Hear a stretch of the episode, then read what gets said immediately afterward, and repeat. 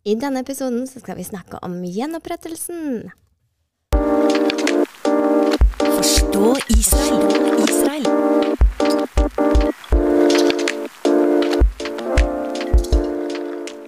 Ja.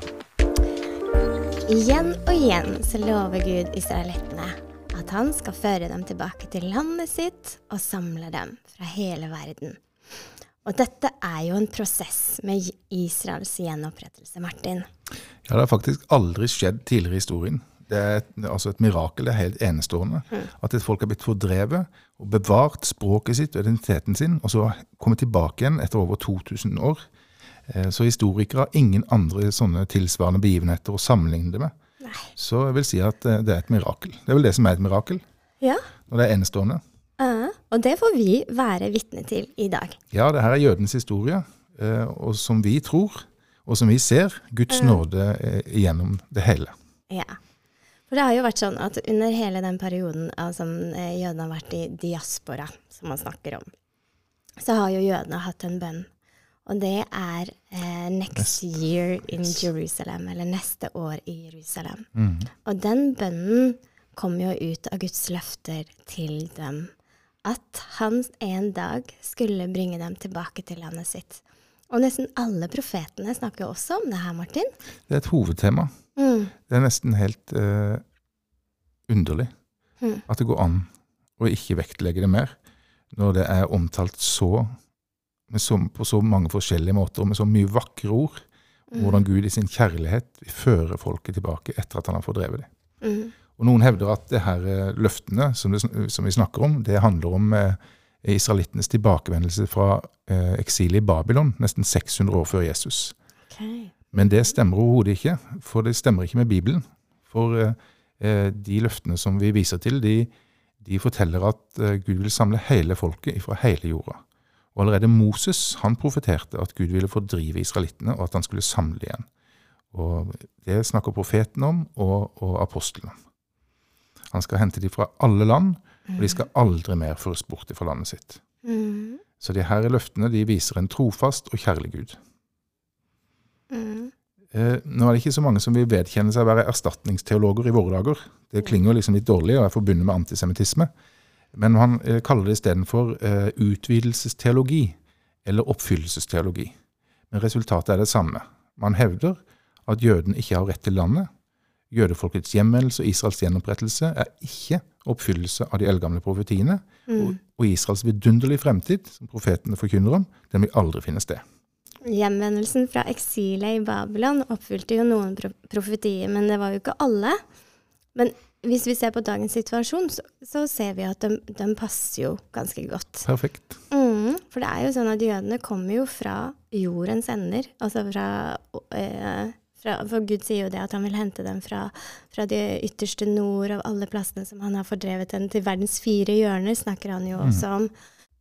Og det står jo det også at Gud som, som spredte dem, at det var han som spredte dem, og det er han som samler dem igjen, tilbake til sitt eget land, som han har gitt dem. Ja, Det er fantastisk spennende å lese. Amos han skriver at jeg skal plante dem i deres eget land, og de skal aldri mer rykkes opp fra sitt land. Mm, Det jeg har gitt dem, sier Herren din Gud. mm, Og Jeremia han eh, henvender seg til oss av folkeslaga, så det er verdt å få med seg. For da sier han sånn, hør Herrens ord, dere folkeslag. Forkynn det for fjerne kyster og si, han som spredte Israel, skal samle og vokte det, slik en gjeter vokter sin flokk. mm. Så det her har altså vært et tema gjennom hele Bibelen, helt ifra Moses, gjennom profetene og òg i Det nye testamentet. Mm. Og da taler de jo til oss som et folkeslag, sant? At Gud liksom Hør her, Ja. folkeslag. Og Det det er til oss. Ja, Det står jo om at folkeslagene skal komme bærende med døtrene på skuldrene og sønnene de sine på armen. Mm. Det er noe av det vi i IKAI er involvert i. Som har vært med og brakt over 170 000 jøder hjem til, til Israel. Mm. Fordi vi tror på Guds ord og løfter. Og Noen hevder jo at vi ikke skal ta løftene så bokstavelig.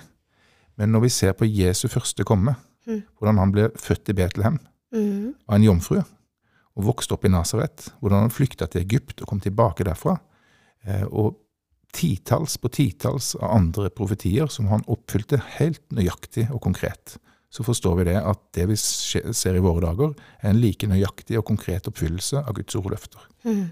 Så vi lever i en spennende tid. Det gjør vi. absolutt. Mm. Charles Spur Spurgeon Mhm. han er kjent som predikantenes fyrste. Og eh, allerede like etter reformasjonen så begynte eh, kristne De fikk jo del i, i eh, Bibelen på språk de kunne forstå, og boktrykkerkunsten hadde funnet sted. Og de begynte å lese Bibelen og, og oppdage Guds ord og løfter til Israel. Pietistene, tyske pietistene på 1500-tallet og de britiske eh, puritanerne utover på 1600-tallet, de eh, ble sionister. Mhm. Og Charles Spurgeon han var eh, forkynner, viden anerkjent, på midten av 1800-tallet. Og han var en kristen sionist. Ja, det var han. Og det som vi kan eh, få med oss litt av det han skrev og uttalte i forhold til det at han så at Gud skulle samle Israel, altså jødene, tilbake til sitt eget land, altså Israel. Og da kan vi lese. Og da, eh, da kan vi lese, ja. Mm. Om det er noe som det er gitt løfte om i Bibelen, så er det dette. Jeg kan ikke forestille meg at du kan lese Bibelen uten klart å se at det vil bli en gjenopprettelse av Israels barn. Pakten Gud gjorde med Abraham, hvor hele verden skulle bli velsignet gjennom hans ett, er ikke tilbakekalt. Himmel og jord skal forgå, men den utvalgte nasjonen skal ikke bli fjernet fra minneboken. Herren har ikke sitt- forkastet sitt folk, og han har ikke gitt dem noe skilsmissebrev. Det var Johannes ord. Og sånn blei det jo faktisk, for den 14. mai, eh, 14. mai i 1948, da ble staten Israel til. Det jødiske hjemlandet blei gjenoppretta 2000 år etter. Fantastisk. Gjennom, Gjenopprettelse, det ligger på Guds hjerte. Mm, Jeg må si at jeg er uendelig takknemlig for at jeg fikk lov å bli frelst. At jeg ble fri fra rusavhengighet og det livet jeg levde for 23 år siden. mm, Men å få lov å bli gjenoppretta, få lov å bli oppreist til det Gud har tenkt meg til å være, det har vært en utrolig festreise. Gjennom 23 år har jeg fått lov å oppleve hvordan han i sin nåde, på tross av min utilstrekkelighet, mm, har gitt meg del i den ene velsignelsen etter den andre. Og det her er Guds hjertelag. Ja. Det er sentrum i det Gud er. Han, han, han skapte i begynnelsen alle ting godt. Han skapte en verden uten rettferdighet eller lidelse eller død, og han skapte mennesker til å ha fellesskap med seg. mm, Og det er det vi har fått del i ved Den hellige ånd og det nye livet, og som en gang vil eh, skje fullstendig. mm, Og en sånn type gjenopprettelse, det har jo gått i mitt liv i prosesser, og det vil skje i Israels historie i prosesser. mm, David skriver jo at du, satte, du dro meg opp av fordervelsens grav, Yeah. og så satte du føttene mine på en klippe, og så lot du meg gå med faste skritt. Så det er en prosess, og i løpet av den prosessen så lærer vi noe uvurderlig om Gud.